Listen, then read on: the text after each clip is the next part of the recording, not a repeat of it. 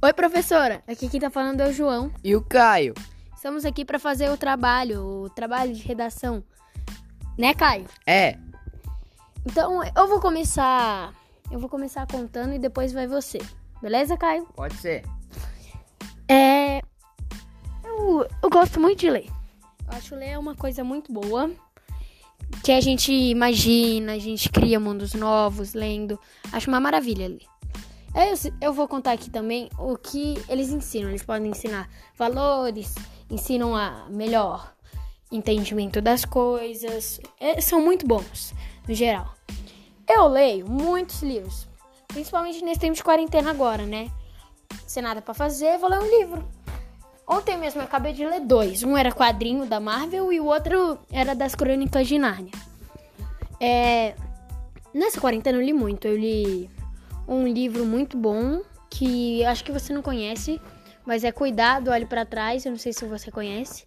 Li um outro de aventura, que tem até uma série na Netflix. O nome é Os Últimos Jovens da Terra.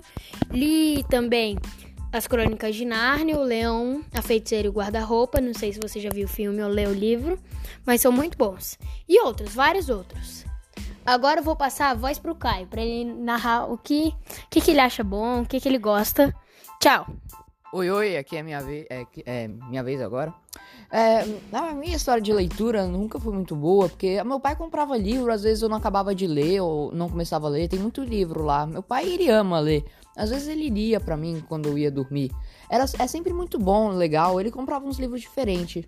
E eu achava interessante, porque eu percebia que eu não ficava vidrado só em um tipo de livro, só naquele tipo de leitura. Eu podia reparar, eu podia perceber que não era só aquele estilo, que ah, eu não gosto daquele estilo, é porque todos os livros vão ser daquele jeito. Não. Sempre vão contar uma história diferente ou vai ser de um jeito diferente. Então, os livros podem ensinar várias coisas, desde histórias mágicas e aventuras até conhecimento para a prova do Enem, para você não virar o atrasado do Enem. É, mas é mais ou menos isso. Eu tenho lido alguns livros na quarentena. Não, não tenho lido nenhum, na verdade. Eu tenho o, o único os livros que eu li foram os didáticos da escola.